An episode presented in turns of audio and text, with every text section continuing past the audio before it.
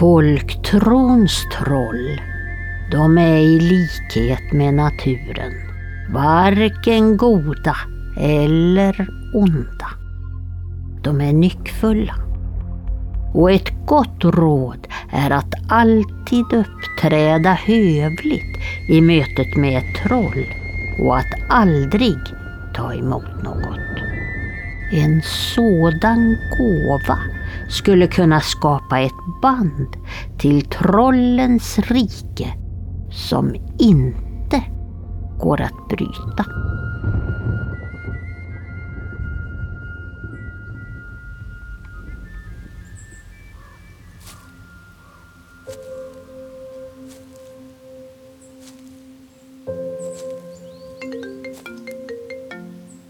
Ljudet kom från ingenstans. Främmande och samtidigt uppfordrande. En sång utan instrument som spelade mellan träden. Vide gled in bland de höga stammarna och tvingade sig själv att stå alldeles stilla. Tystnaden kom plötsligt mitt i en ton. Sedan människorösten, alldeles för nära. Ord och skratt. Vide slöt ögonen och lyssnade spänt. Rörelser, tyg mot hud, steg över spröda kvistar och löv. Han hade oroat sig för att de var flera. Nu förstod han att det bara fanns endast en människa i skogen. Det var en kvinna som pratade för sig själv med ena handen tryckt mot örat. Märkligt, till och med för ovanjorden. Vide gned sig över näsan Höstsolen silade in mellan träden och skapade ett skuggspel. Han önskade att Idun var här. Hon förstod sig på människornas seder. Kvinnans röst tonade bort och hon gick i riktning mot Stormyran där han visste att myltan stod mogen.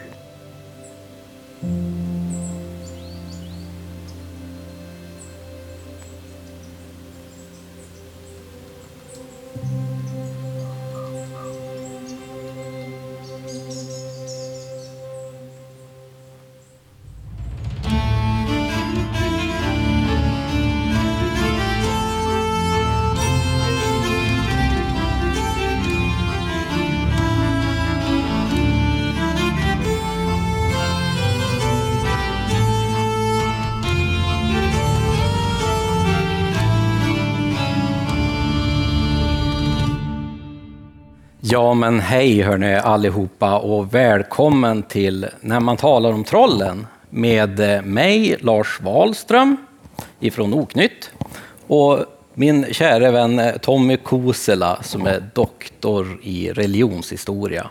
Och vi är ju en podcast där vi pratar om folktro, mytologi och olika traditioner som vi har här uppe i Norden. Och idag så är vi ju på den fantastiska Orionteatern här på Södermalm i Stockholm.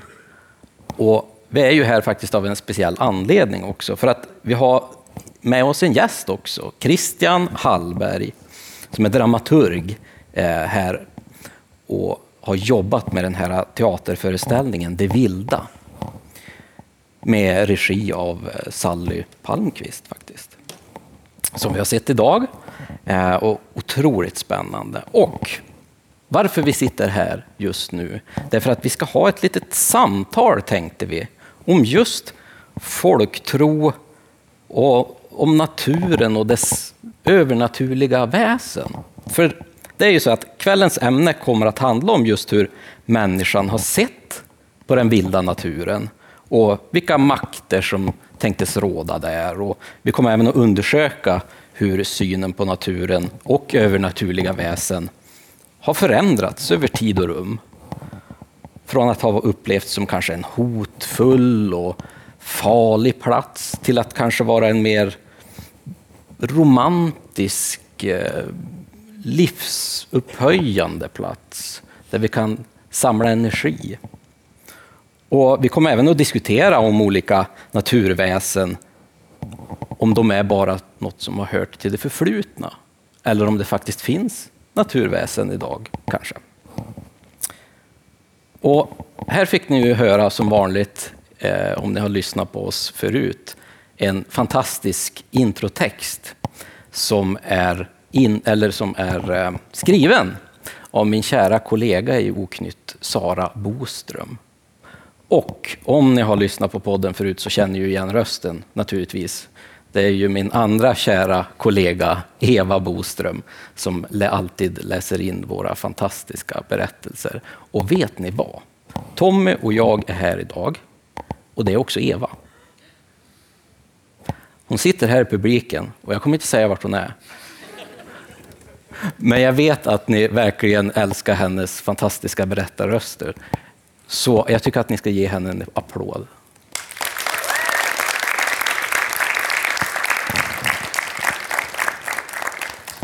Det förtjänar hon verkligen. Jag tänkte att vi skulle börja så här lite enkelt och höra med både Christian och Tommy, vad har ni för relation till naturen egentligen? Ska börja prata om det enkla, den enkla frågan? Nej, men jag eh, skulle nog säga att jag har ett ganska eh, vad ska man säga, o, eh, ja, men, tråkigt att säga att det både är komplicerat och okomplicerat. Jag har nog en bild av att naturen är en eh, härlig plats, men kanske när, när mörkret faller så tycker jag kanske också den är lite intetsägande. Att så här, det, det känns som att jag också, jag tänker ibland lite klyschigt på att Tåström pratar om att alla hans kompisar flyttade ut till naturen och skaffade stugor och landställe, men för honom är det bara mörkt. Och så vill han sticka till något industriområde i Warszawa. Det är ju tveksamt också på många sätt, men, eh, men så, så, så tror jag det är. Liksom att jag kan nog likna den här Lucy-figuren i den här föreställningen. Fylla lungorna full med luft och bara känna att ah, jag är hemma och sen bara, och vad händer sen då? Vad, vad, vad, what's next? Liksom. Och så. Men uh, ja. Ja, nej, men jag skulle nog ta och instämma ganska mycket där. Alltså, som uppväxt i en stadsmiljö, alltså som en så kallad maskrosunge eller något sånt liknande, så har man kanske en romantisk syn av naturen. Det är sak, när man väl söker sig till den så är det för att man vill uppleva dess majestät. Även som eh, barn när man var ute med sina morföräldrar och eh, fjällvandrade så är det en speciell känsla. som man, man insuper den här eh, härliga luften och eh, naturen. Men sen är det ju också någonting som kanske har med den, den urbana livsstilen att göra, att man kanske lätt blir uttråkad och och eh, det ska hända saker. Och det är inte det naturen är alltid känd för. Det går långsamt i naturen. Och, eh, sen är det som du också nämnde här, som jag tycker är väldigt spännande, den här kontrasten mellan naturen dagstid kontra naturen när mörkret har fallit, natt, nattetid. För det är som två helt olika världar. Det är mysigt och trevligt att ströva runt i en djup skog och plocka svamp och njuta av naturen dagstid. Men så fort det blir mörkt så blir det väldigt mörkt och det är svårt att hitta tillbaka. Nu, ja, nu har vi så mycket tekniska hjälpmedel, men ändå. Och då, är, då kan naturen snabbt bli en obehaglig och kuslig plats.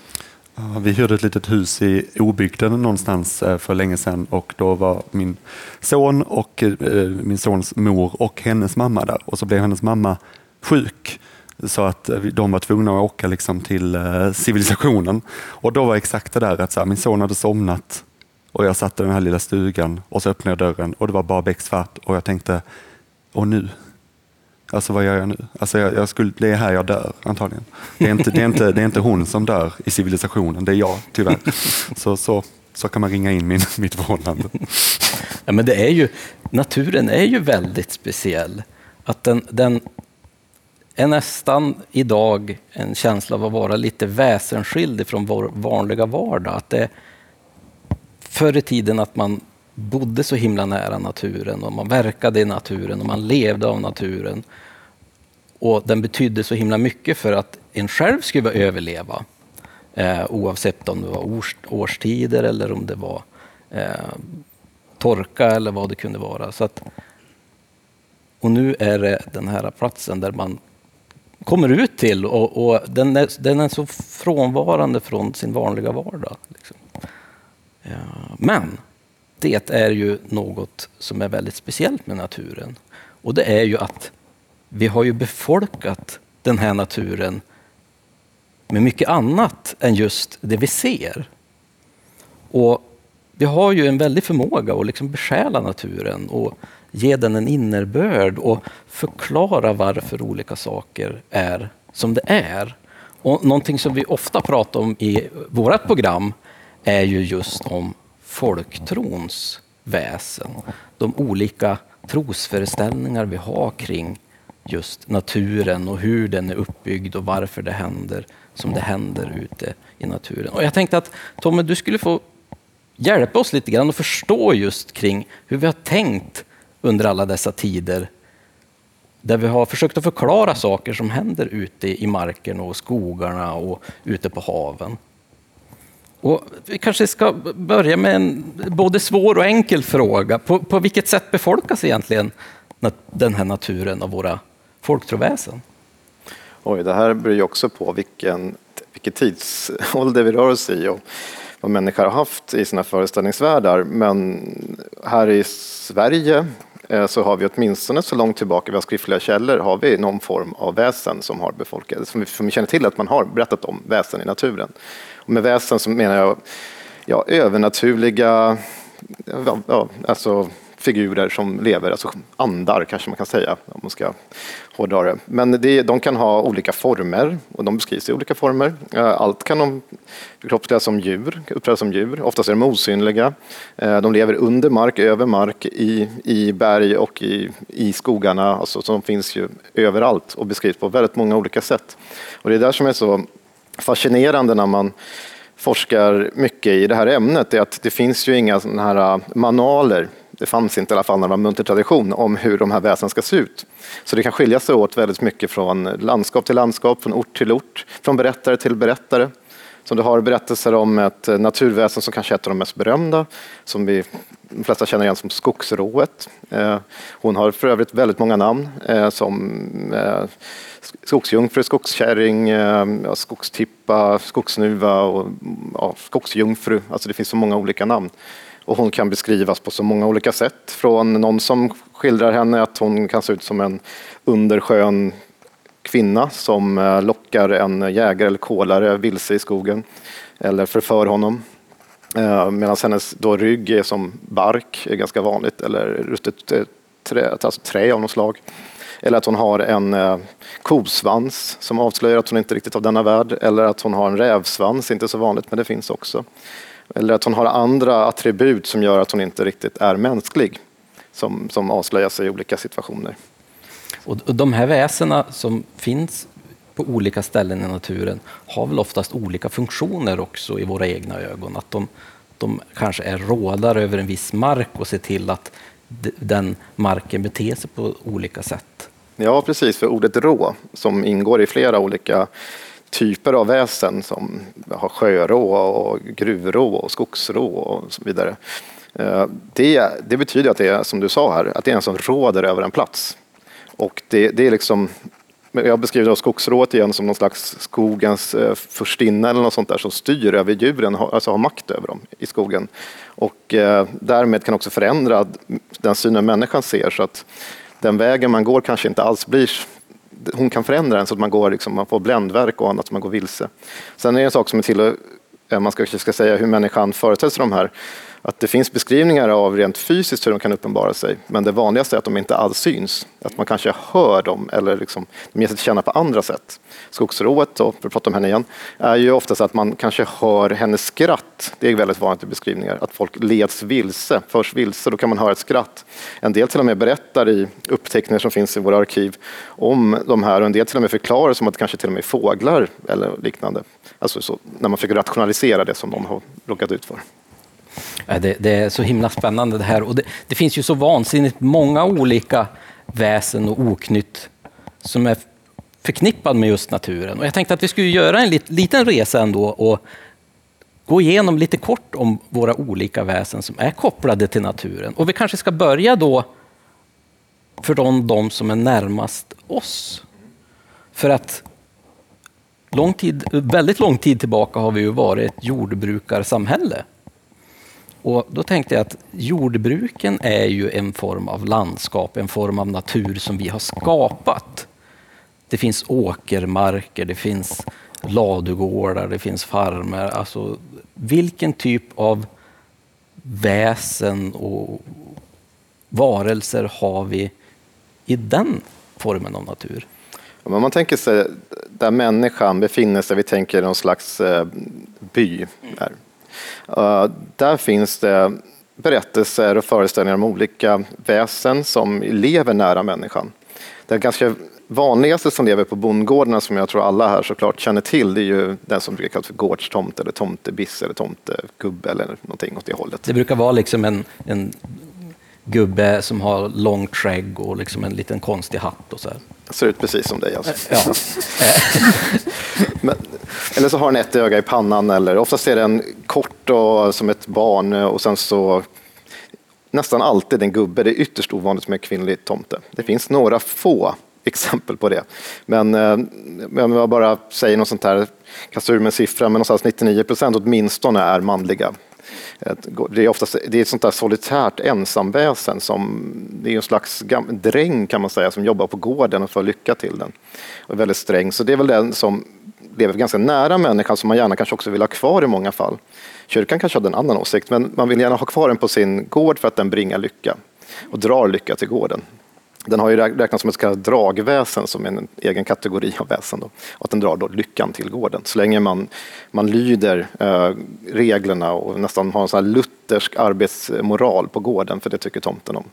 Så den är nära. Och så finns det sådana väsen som eh, kan skapas av människan som eh, ett väldigt berömt, som också, tomten går tillbaka till medeltiden, för den, den nämns redan av heliga Birgitta eh, på 1300-talet. Och sen har vi ett annat väsen som också är känd i Sverige som medeltiden och finns bland annat för kyrkomålningar.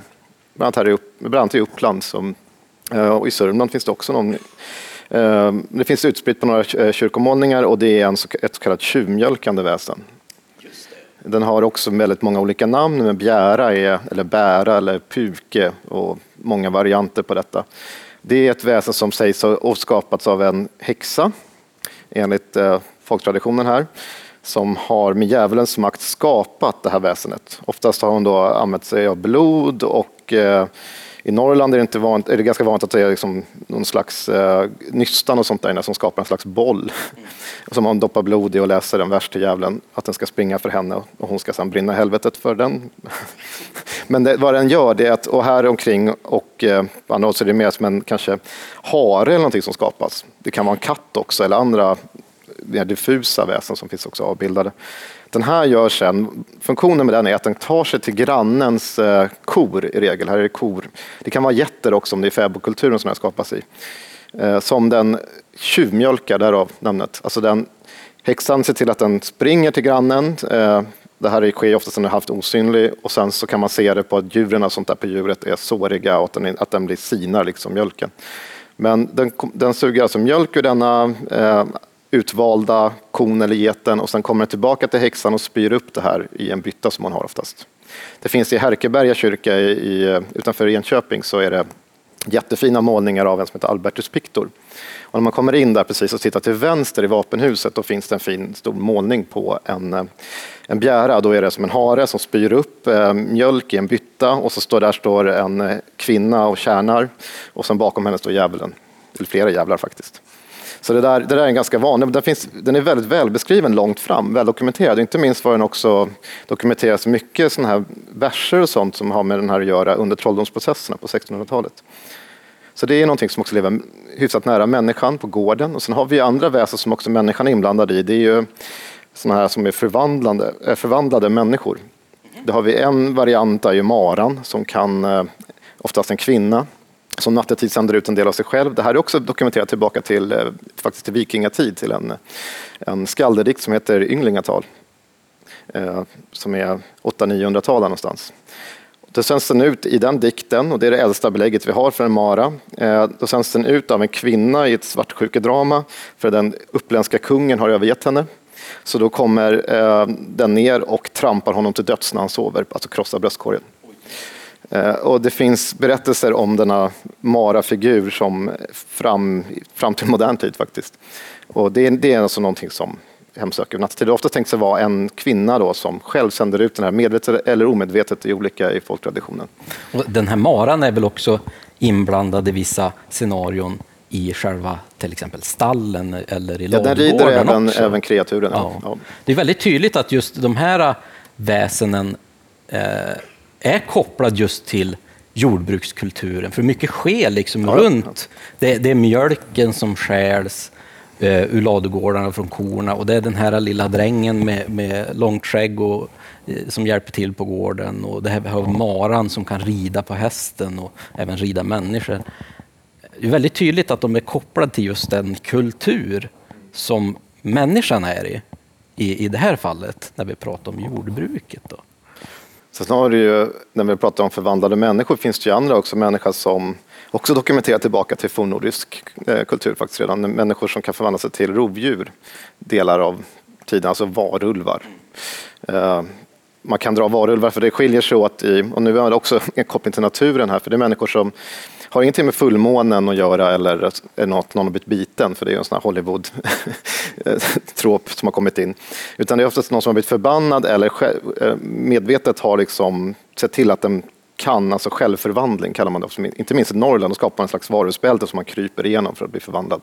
Och där är det vanligt att man blir till björn. Som, och eh, i mellersta Sverige så är det vargar, var själva ordet betyder manvarg. Eh, och sen södra Sverige är hundar vanligt, fanns så det är en form. Och sen det sista som jag tänkte nämna här, eller det finns två till, med nära människan, det är ju de som bor under jorden.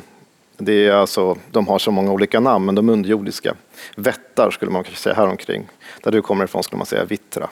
Så att de, eller de små under jorden, eller, alltså det finns många olika varianter på detta också. Men det är en slags kollektiv grupp som lever, alltså väsen som lever under marken i kullar och högar på olika sätt.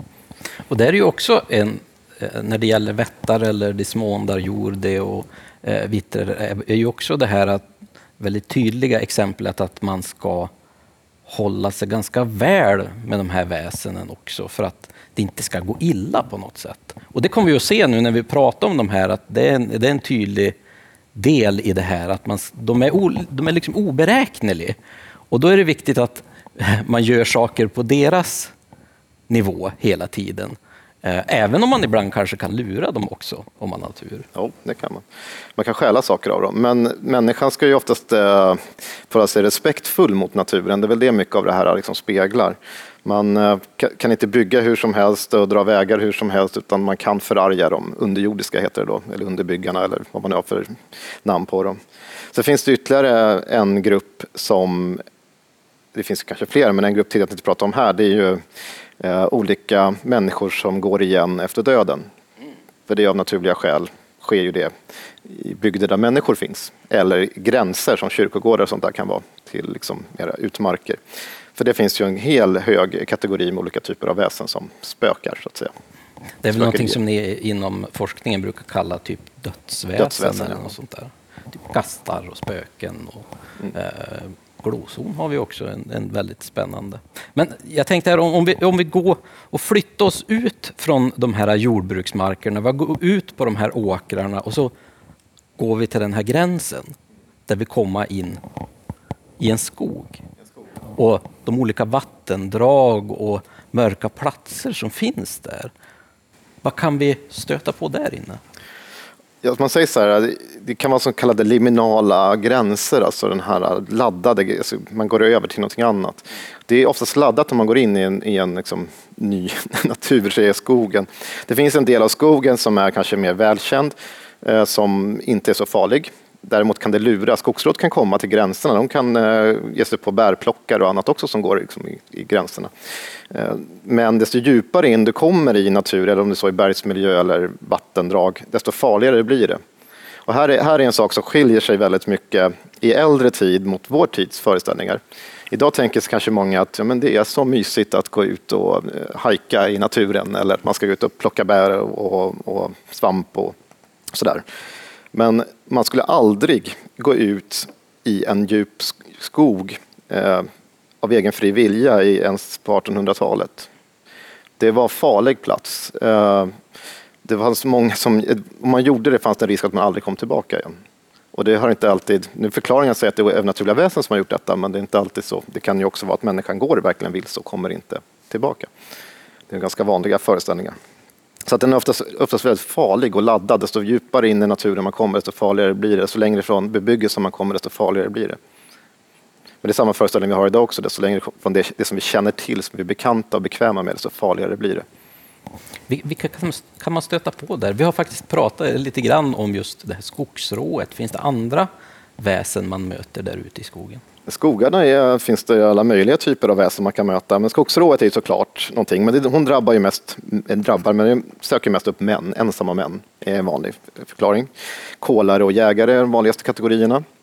Men, eh, och det är ju belagt, skogsrået är belagt åtminstone, hon, hon finns ju i trolldomsprocesser från 1600-talet män som till och med avrättades för att de sades ha haft sexuellt umgänge med skogsrået.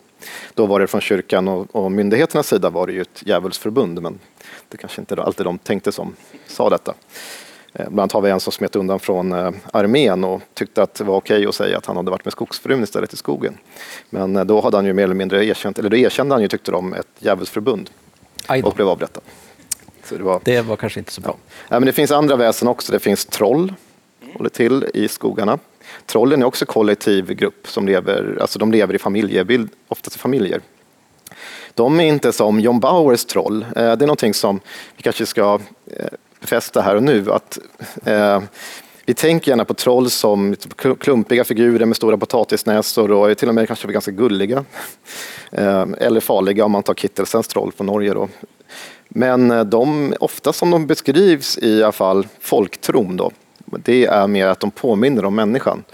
De är oftast ganska vackra, de är ju rika, det som liksom finns i marken och sånt där är ju, tar ju de del av. Så de, har, de är ganska förmögna, det gäller även skogsråt för övrigt. Hon kan också uppträda i väldigt vackra kläder i skogen. Och det är också därför man kan känna igen henne, för att är man djupt inne i skogen och det kommer någon med väldigt fina, fin klänning och sådär gående, det är, det är inte så naturligt. Då. Att den, så då kan man säga att misstänka att det är skogsrået, precis som ett troll. Och ibland kan man känna igen troll för att det är en svans som sticker fram också under kjolarna. Eller, ja, och vi kan väl också säga att just trollen är ju ganska stora i det här sammanhanget, för de förekommer ju även i närmare människan på olika sätt också. Kanske att de hjälper till ibland med eh, åkerbruket eller något liknande och att man kan även låna saker av dem och att de kanske kommer till en gård och be om att få låna kanske ett grötfat eller eh, mjöl eller vad som helst. oftast för att brygga öl eller sådär. Men jo, men de kommer gärna till människan, eller gärna, det, det händer. Det finns det sägentyper som handlar om hur de kommer till människan och lånar någonting. Och gör man, eh, ger man dem till vilje så kan man få belöningar för detta. Egentligen är det ju förklaringar till att vissa människor kanske går lite bättre för än andra. Då kan man kanske komma med en sån här säg, förklaring då att de har, det är trollen som har hjälpt till. Mm. Är de farliga de här väsena? Oh ja, det, det är de ju. Det, det är att det är oftast vildväsen överlag. De flesta är inte så intresserade av människan. Det finns olika skogsråd sådär, eh, söker upp människan av vissa anledningar. Men oftast vill de inte att man stör dem. Eh, de vill leva som de, sitt vanliga liv. Så att det är första människan alltså, inkräktar på deras mark och, och eh, stör dem på olika sätt. Då kan de hämnas rejält. Det finns fall när skogsråd till och med har, försöker ha ihjäl människor eller tomtar försöker slå ihjäl en dräng som har misskött sig och sådana saker. Så att, eh, jo, de kan vara ganska farliga.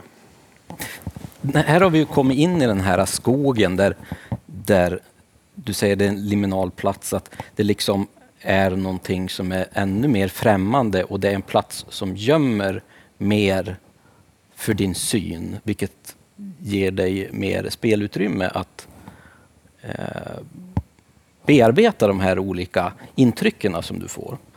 Men om vi går ännu ett steg till, om man tittar bortanför skogen, så brukar det oftast resa sig olika berg. I alla fall här i, uppe i Skandinavien har vi väldigt mycket berg. Eh, ända där borta, som kanske många aldrig har varit, men man ser alltid de där bergen. Vilken typ av berättelser och vilka väsen kan vi hitta där? Det finns många olika typer av väsen även i, i bergsmiljöer och fjäll och sådär.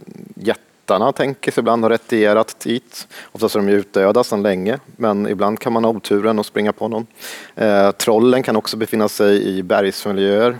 Du har ju även sånt som kallas för bergshundar. Det är något som också, inte minst i runt Hälsingland, Gästrikland, som finns mycket berättelser om sådana. De tillhör ibland trollen och sånt där, men det är som en farligare typ av hundar som kan uppenbara sig.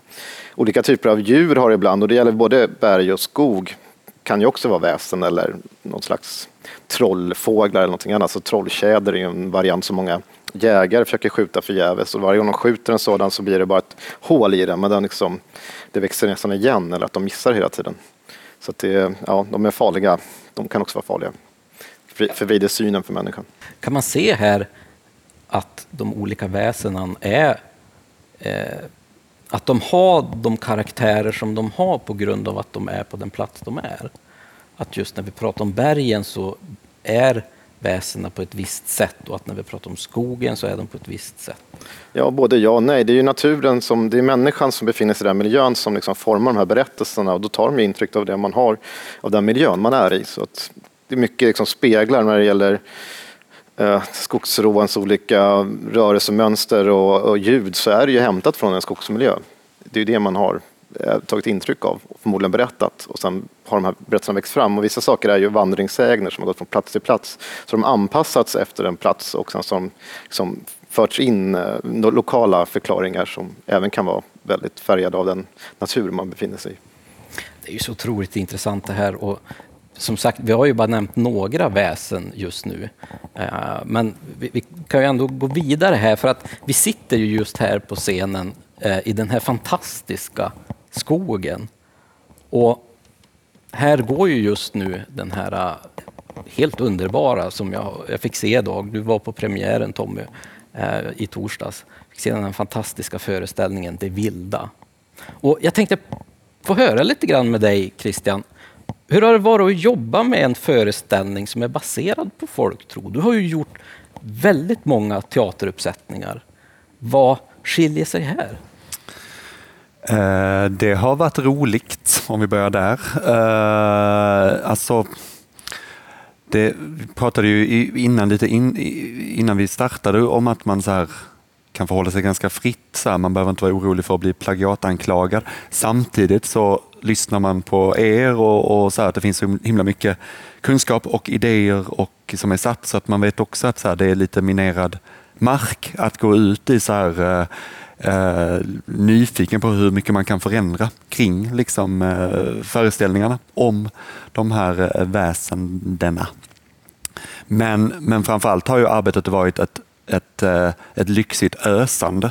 Alltså när, när jag skiter i vad alla vet, utan då går bara på min egen eh, pepp och inspiration, då, eh, då har det, har det verkligen handlat om att så här, den här historien, det här väsendet eh, kan säga något i den här berättelsen, kan säga något i den här föreställningen utan att jag kanske egentligen visste vad berättelsen skulle vara. Utan det finns något i, så här, ja, men som vi är inne på med skogsrået, så här, vi hittade någon där skogsrået la sig i en säng för att eh, locka eh, ja, i det fallet väl mannen, så här, att lägga sig med rået. Att, så här, det känns som att så här, det finns liksom så otroligt en modern skräckberättelse nästan, att, eller för, för mig i alla fall, att plötsligt ligger det någon i min säng. Och, så där, och hur, hur ska vi hantera det i, idag? Liksom. Så, där. så det, har, det har varit verkligen att så här, försöka copy-pasta lite och sen göra det till, till något som kan vara relevant. Så, här. så det har varit en utmaning, men det har varit, eh, det har varit roligt. Det har varit verkligen att, eh, att så här, lägga sig på en kopiator lite grann och se vad som, vad som händer. Ja, men det har ju varit fantastiskt roligt. Och både jag och Tom har ju sett liksom att man har hitta inspiration från olika typer av sägner och karaktärer karaktärsdrag hos de här olika väsenen. Och hitta liksom det gottigaste och väva ihop det till något spännande. Och vi ska ju inte avslöja för mycket kring just den här eh, föreställningen. Ni borde gå och se den om ni inte har sett den. Men den innehåller ju ett antal väsen ändå. Och hur har ni valt att liksom gestalta de olika väsena i den här föreställningen? Ja, men precis. Det har ju varit ett oerhört kollektivt arbete om vi bara pratar teaterspråk. Sådär. Jag, eh, det är Sally Palmqvist på KPs eh, in, in, in, eh, initiativ. Sådär. Och, och sen har det liksom filtrerats genom mitt öga och hjärna och framförallt sen utifrån både ensemble och hela teamet. Så, så det har liksom varit ett, ett, eh, det är nästan så att man har samlats runt en lägereld i en skog och eh, så här, vad, vad, vad har vi nu då? Eh, men, men då har det det kändes som att vi hade liksom några väsen vi ville hänga upp oss vid och då till exempel rå, rået och trollet och näcken och de eh, underjordiska eller vättarna eller så man ska säga. Uh, och, och, det kan jag egentligen inte förklara varför, utan det var liksom mer så här, det, det, det känns som att det finns någonting i de här uh, mötena som, som kan forma den här berättelsen. Sen har det just att gestaltningen, för mig i alla fall när jag har skrivit och funderat och dramaturgat och sådär, då har det absolut varit just att förmänskliga det hela. Att komma väldigt långt bort från John Bauer är, är en eh, självklarhet för att det känns som att eh, om vi ska ha något jäkla uppdrag i scenkonsten så handlar det väl om att få syn på våra egna brister och sådär. Och då kan jag tänka att, att det finns något ironiskt i att man vill fly bort från civilisationen, som Lucy, då, huvudpersonen, vill göra. Fly från staden för att den påminner henne om någon slags otillräcklighet. Eh, men de väsen som finns i skogen har ju fattat att det är människan som man drar sig till. Människan dras till människor och då, då, då gör trollen sig till en människa. Och så där. så det har verkligen varit att hitta, hitta det mänskliga i det. Eh, det här är ett troll som hon möter i början som eh, sitter i en eh, solstol och, och hävdar att hon känner hennes mormor och hävdar också att hon också heter Lucy. Det fanns något väldigt härligt i att så här, trollen har fattat någonting, men inte riktigt allt. Det är liksom något som ändå skevar. Liksom så att, ja, men nu är jag människa, jag sitter i en stol, jag har ischias. Men det är någonting som inte riktigt stämmer ändå. Liksom, så, där. Så, att det, ja, så det har varit eh, ja, återigen utmanande, men det är det vi har tagit fasta på. Att så här, eh, även rået, då, liksom, att så här, Eh, hon upptäcker någonstans att så här, men det är bark på ryggen. Men också att det inte är skrämmande för Lucy. Det är det som har varit så här, det, alltså det känns ju livsfarligt. Hade jag stått i den skogen hade jag inte varit kvar så länge till. Men, eh, men just att hon också dras dit. Liksom. Att så här, det som händer framför henne är obegripligt och det kanske är därför hon stannar kvar. Och det det är något som jag har försökt ta fasta på och vi alla. Att så här, behöver det vara så jävla begripligt varför vi dras till någonting? Och i detta fall naturen, i detta fall märkliga gestalter. Men så här, jag stannar kvar. Det är liksom här jag ändå är hemma och, och omfamnar denna ryggbark. Liksom. Sådär. Det visste jag inte när jag kom hit. Sådär. Nej, men, jag fick i alla fall känslan av att, liksom, att vara vilse men samtidigt inte vara vilse på något sätt. Att du, du är vilse i dig själv och sen är du även vilse i skogen där du inte har någon kontroll på något sätt. Men att du ändå kan finna någonting där, där du hittar rätt. Eh, och det är ju ett tema som är ganska vanligt att just försvinnanden i skogar och marker, det är ju väldigt vanligt i olika sägner till exempel. Ja, ja. Du har ju föreställningar om att man blir alltså bergstagen eller att man blir eh, alltså typ skogs, alltså fasthållen i skogen. Skogstagen kan man, finns det också begrepp som heter. Eh, att människan på något sätt det finns ju ett eh, finskt begrepp som jag tycker är bra här som heter metsenpeito. Alltså människan blir som ett skogstäcke, att den blir liksom dold av skogen. Och det här är, det är väldigt skrämmande så som det beskrivs, för människan när den är fasthållen här, det finns också i samma i Sverige faktiskt. Den människan det är som att den finns i en annan värld. Den kan skrika och höra, den kan se människor komma. Den kan skrika och försöka få kontakt med dem, men de kommer inte höra personen. Så den liksom är helt slukad av skogen snarare. Så det, det, är ju den här äh, spänningen som finns. Mm. Ja, just det här att skogen och den okända naturen kan vara en egen varelse nästan, där de här olika väsena rör sig. Men Christian, vilka, vad har egentligen varit roligast med att gestalta de här olika väsenen? Det kan ju inte vara så lätt heller att jobba med rörelser och ljuset och ljudet och allt det här. Nej, precis. Det har inte jag jobbat med om vi så. Eh, det är ju eh, ett, ett, stort gäng. Men bara utifrån mitt perspektiv så är det ju att jobba med det drastiska har varit det roliga. Att så här, äh, gå liksom från en scen till en annan och äh, överenskommelsen förändras. Att så här, nu är det plötsligt någon som ligger i min säng. Ja, då är det det. Alltså då behöver vi inte heller pussla ihop den här berättelsen om att så här, men vänta nu här, det var ju ingen där i sängen innan. Utan liksom, det he hela bygger på att så här, nu, nu åker hon ner i marken för att träffa de underjordiska och det är inte riktigt klart vad det är de pratar om men det är liksom ändå så här, nu är, nu är, det, nu är det helt självklart att de bor i den lilla eh, luckan där nere. De bor under marken och, och ger henne någonting som så här, Ah, okej okay, det är nästa steg för att hon återigen ska känna sig ännu mer hemma. Men varför? Alltså, det har varit eh, det roliga, att, att liksom inte, inte nödvändigtvis pussla ihop alla logiska luckor eller täta dem, utan just lita på att så här, det här är någonting som sker framför våra ögon och i och med att Lucy blir övertygad så kanske vi också blir övertygade om det.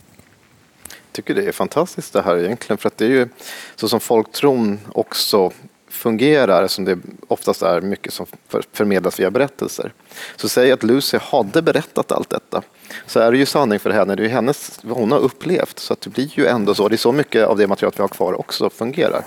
Att det är de här så som vi tänker att det ska vara logiskt och sammanhängande, rationellt och man kan fråga sig vad som är rationellt och inte, men att vi ska ha de här förklaringarna. Men det funkar inte så i verkligheten. Alltså det, är oftast, det man upplever kan skilja sig så himla mycket från det där. Man måste ibland rätta till saker och ting för att blir trodd av andra människor. Mm. Ja, och mycket av det vi, pra vi oftast pratar om är ju just de här mötena med de här varelserna eller med den här naturen. Och det är ju oftast faktiska upplevelser. Folk har ju känt det här, de har varit med om det här. Och det är ju väldigt fascinerande också att kunna få den vinkeln på det. Ja, vi, material brukar bestå av olika typer. Nu ska jag inte tråka ut alla med olika genrer, men man kan ju prata om något som är oftast förklaras som memorat, alltså självupplevda berättelser i regel. Sen har det också debatterats vad som är memorat och inte. Eh, sekundärmemorat och alla möjliga olika underavdelningar. Men hur som helst är det människors egna upplevelser i regel. Och det är vad man, och jag själv som när jag är ute och föreläser och har, och har träffat mycket människor som menar sig ha sett allt från troll till eh, gengångare till tomtar och så vidare. Men jag måste ju ta de människornas berättelser på allvar för att för den människan är det, den, den, det den har, hos den människan är det sant. Och jag som, som folklorist då är ju intresserad av berättelsen i sig och vad den betyder för människor och den här människan som berättar. Och sätta in den i ett sammanhang, det är det som är intressant. Alltså inte om det har funnits tomtar eller inte, inte så jätteintressant för mig i alla fall. Och vi har ju kanske en annan syn på naturen idag. Att vi, vi kanske har en mer personlig relation till naturen eh, än att det är den här stora hotfulla markerna som man inte vet riktigt vad som finns där ute.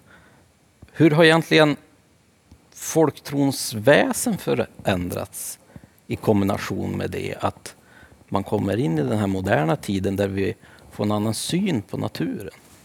det beror på från vilket perspektiv, men om man tänker Alltså, berättelser om väsen och föreställningar förändras i takt med att människan förändras. Så, så enkelt kan man ju säga det. Att vi får andra förklaringsmodeller och tolkar in nya saker. Men sen så om man tittar på hur man gestaltar väsen i naturen exempelvis. Idag är det ganska vanligt att kanske ta inspiration från eh, populär, alltså skräckfilmer eller annat, att man får in den, den aspekten också. Och den kan ju, naturen har återigen blivit kanske, även om vi kanske när som helst kan se en naturfilm som dygnet runt kan spela in olika miljöer i naturen, så är den fortfarande blivit mer och mer, alltså, vi har blivit mer distanserade på sätt och vis från naturen. Så att den är mer och mer äh, eh, mystisk igen. Så att den har, det finns någonting som man kan prata om.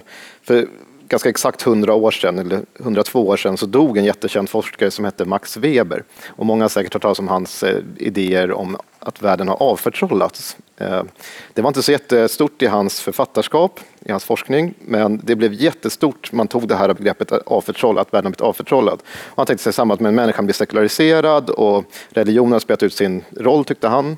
Eh, och vi får mer och mer mekaniska förklaringsmodeller, inklusive känslor och allting hos människor kan förklaras genom kemiska processer och sånt. Så tänkte han sig att världen avförtroll, avförtrollas. Eh, andra forskare hävdar att den kanske aldrig avförtrollas överhuvudtaget, det har bara ersatts med annat.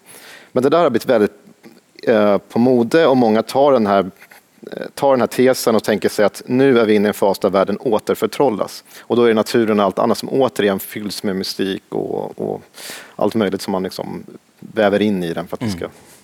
På någon, ja. Varför tror ni att det är så viktigt för oss att besjäla naturen på det här sättet? Men jag tänker också bara för att flika in att vi älskar också det obegripliga. Eh, Alltså, det är liksom, vi, eh, även alltså när jag var barn och även nu min dotter med, alltså, kanske inte så mycket skogskängor i naturen, men just hon visar ju dagligen TikTok-bilder eh, på så här, den, den människan fanns i det här fotot och den visar sig vara död för 200 år sedan och man vill stänga av alla sina öron man har. Men, men ändå att det finns hela tiden någonting som vi, eh, så här, det här går inte att förklara. Det är liksom, eh, ja, men, så, så för mig är det också någon slags modern förtrollning. Liksom, att så här, det finns något i hela så här, uh, ja, det obegripliga. Liksom. Det är obehagliga och det är morbida och, så där, och det är oförklarliga, absolut. För det har ju redan, så långt tillbaka vi har haft tidningar egentligen så har man ju varit väldigt förtjust i den här typen. Ta en av de största, mest kända seriemördarna i världen har man inte riktigt begripet, alltså Jack the Ripper. Samtidigt som honom härjade en annan mera kanske övernaturlig gestalt som kallades för Spring Hill Jack, som också rapporteras om i tidningarna. En person som liksom kunde hoppa över byggnader som försvann iväg, som uppenbarade sig på många platser, det stod om i tidningarna. Och går man tillbaka och tittar på sånt här som eh, Loch Ness och eh, liknande, och spöken och så vidare, det är proppat med dem. Om man tittar även i modern tid idag, så att säga, om man går till Eh, amerikansk eh, massmedia och tidningar så är det många som har säljande rubriker som är just, har med det övernaturliga att göra. Inte minst med eh, hemsökelser och spöken. Så man står på ett supermarket där och tittar på bara rubrikerna så kommer man se flera som har den här, lockar läsarna till att You can't köpa. believe what happens next. Ja, exakt. Nej, exakt. Och det, så ser vi på internet idag också hela tiden, att man ska klicka sig fram till nästa sida på grund av det. Ja, men, och, och vi, vi lever ju i en tid där vi vill förklara så mycket som möjligt. Med att vi vill kunna förklara varför den där blomman växer på ett visst ställe, varför just de träden blir så pass höga. Eh, vi vill kunna säga att just i den här biotopen så lever de här djuren för att de har utvecklats på det sättet. Och det lämnar inte så mycket till fantasin. Vi gillar ju, precis som du säger, vi gillar ju oförklarliga saker också. Och vi kanske vill ha det också, förutom de här rent kliniska svaren på sin omvärld. Och då vill man ha det här lite oförklarliga, det lite mystiska som, som sätter igång fantasin och eh, som ge, kan ge en själv en innebörd på ett sätt som kanske inte en, en klinisk rapport om, om eh, varför mossan växer på viss sten. Liksom. Men någonting- Även om den också måste finnas. Absolut, absolut. Jag har någon favoritepisod för att kan ha varit 10-15 år sedan. Jag följde och läste om någon, om det var på stränderna i Chile eller Argentina så har det sp- spolats upp en stor sån här slime, eh, alltså djur. Och direkt så var man inne på Lovecrafts uh, Cthulhu-värld. Och det var många som ville att det skulle vara så. Sen visade det sig att det var en bläckfisk som har legat på ytan länge, en jättebläckfisk och som halvruttnat. Men, men det första man var liksom, det, här, det, här, det, är Cthulhu- det är ett bevis för att Lovecraft hade rätt. Ja, men vi, vi, vi vill liksom hitta något mer. Det måste, det, det måste finnas något mer som vi inte har förklarat än. Det vill vi veta.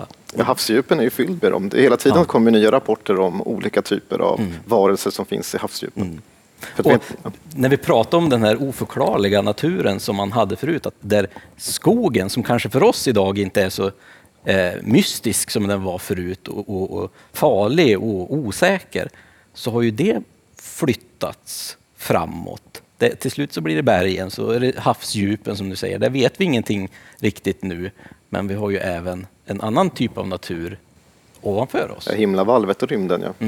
Och sen har vi ytterligare ett nytt, en ny plats för hot och det är ju internet. Såklart. Där, där fattar man ju absolut ingenting. Andra slags troll. Ja, Precis, där har vi en annan typ av troll som Där man finns det också ska hålla sig undan. Och mänskliga. Christian, Ja. vad kan man egentligen förvänta sig av det vilda?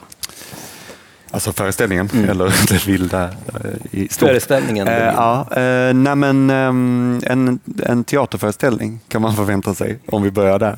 Man köper sin biljett och sätter sig på sin plats och så släcks lamporna och tänds. Sådär.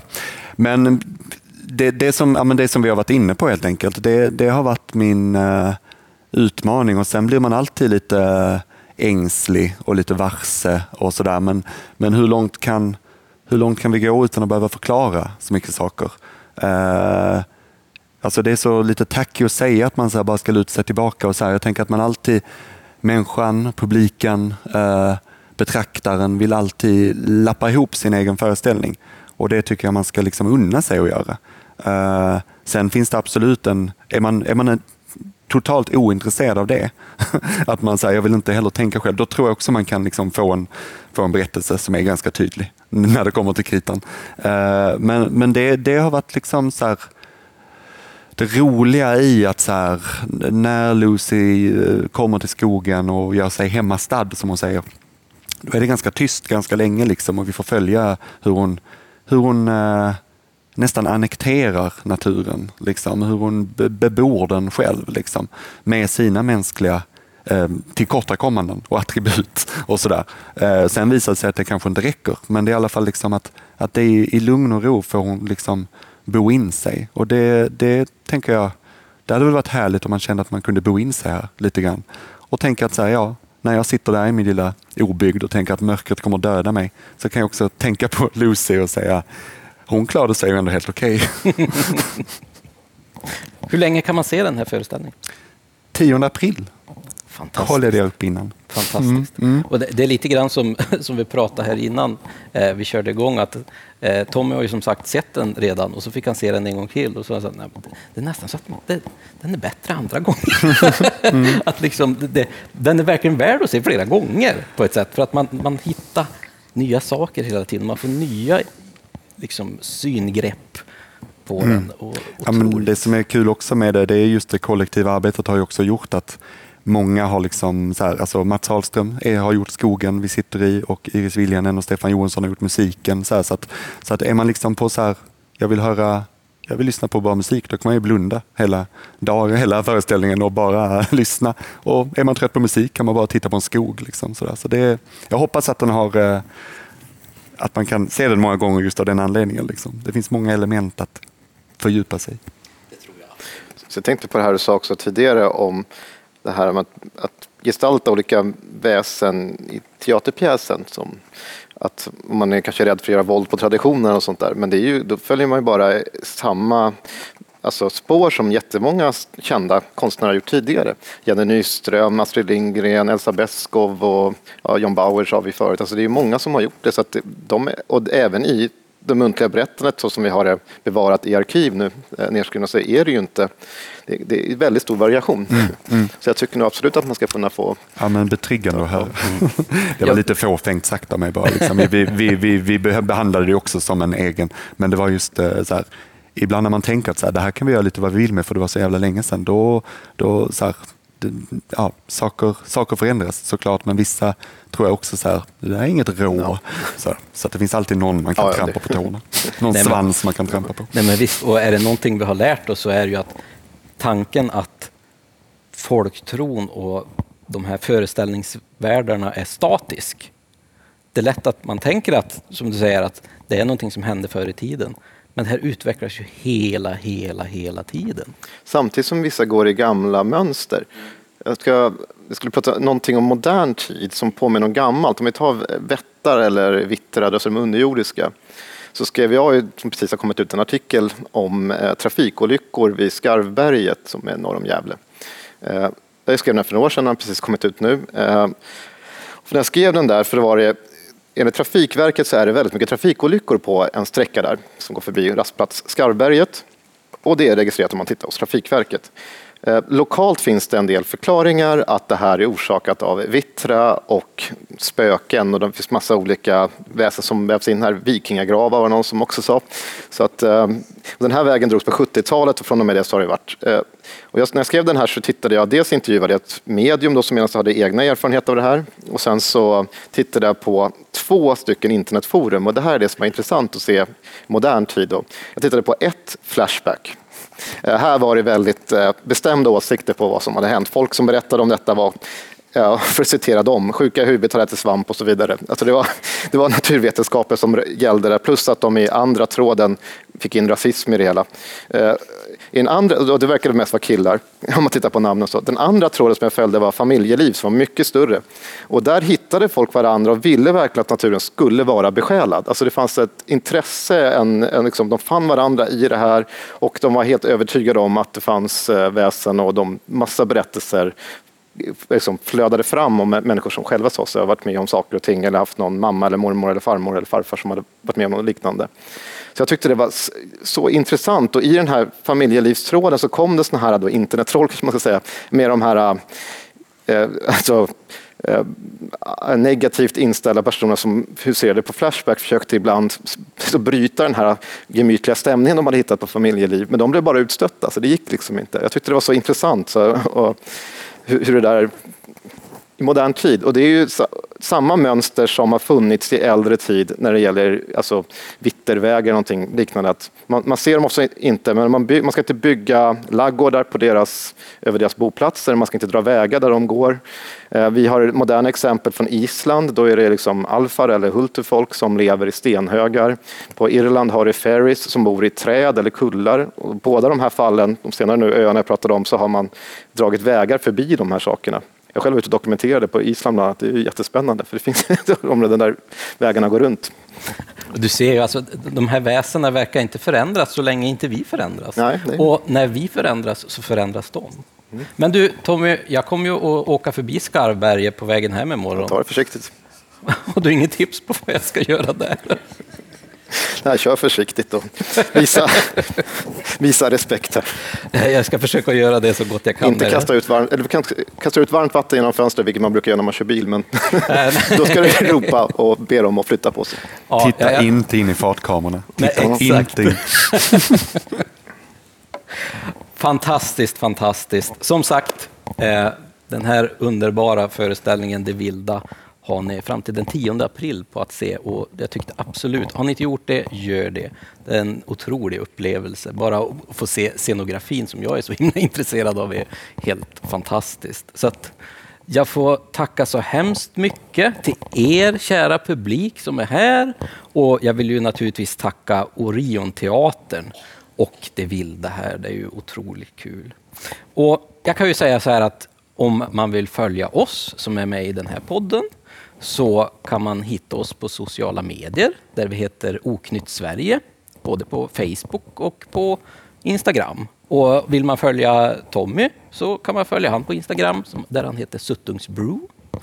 Eh, och jag tror man också kan följa Christian. Det tror jag säkert. Absolut, bara, bara följ på. Följ han bara på stan. Mm. Så här. Men håll avstånd så att vi inte råkar ut för någonting som vi inte borde eh, prata om.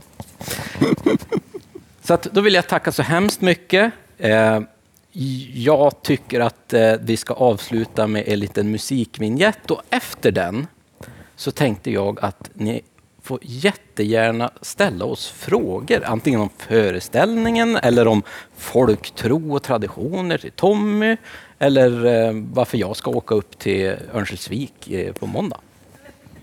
Så att, eh, jag tror vi rullar den där vignetten så får vi se om ni har några frågor.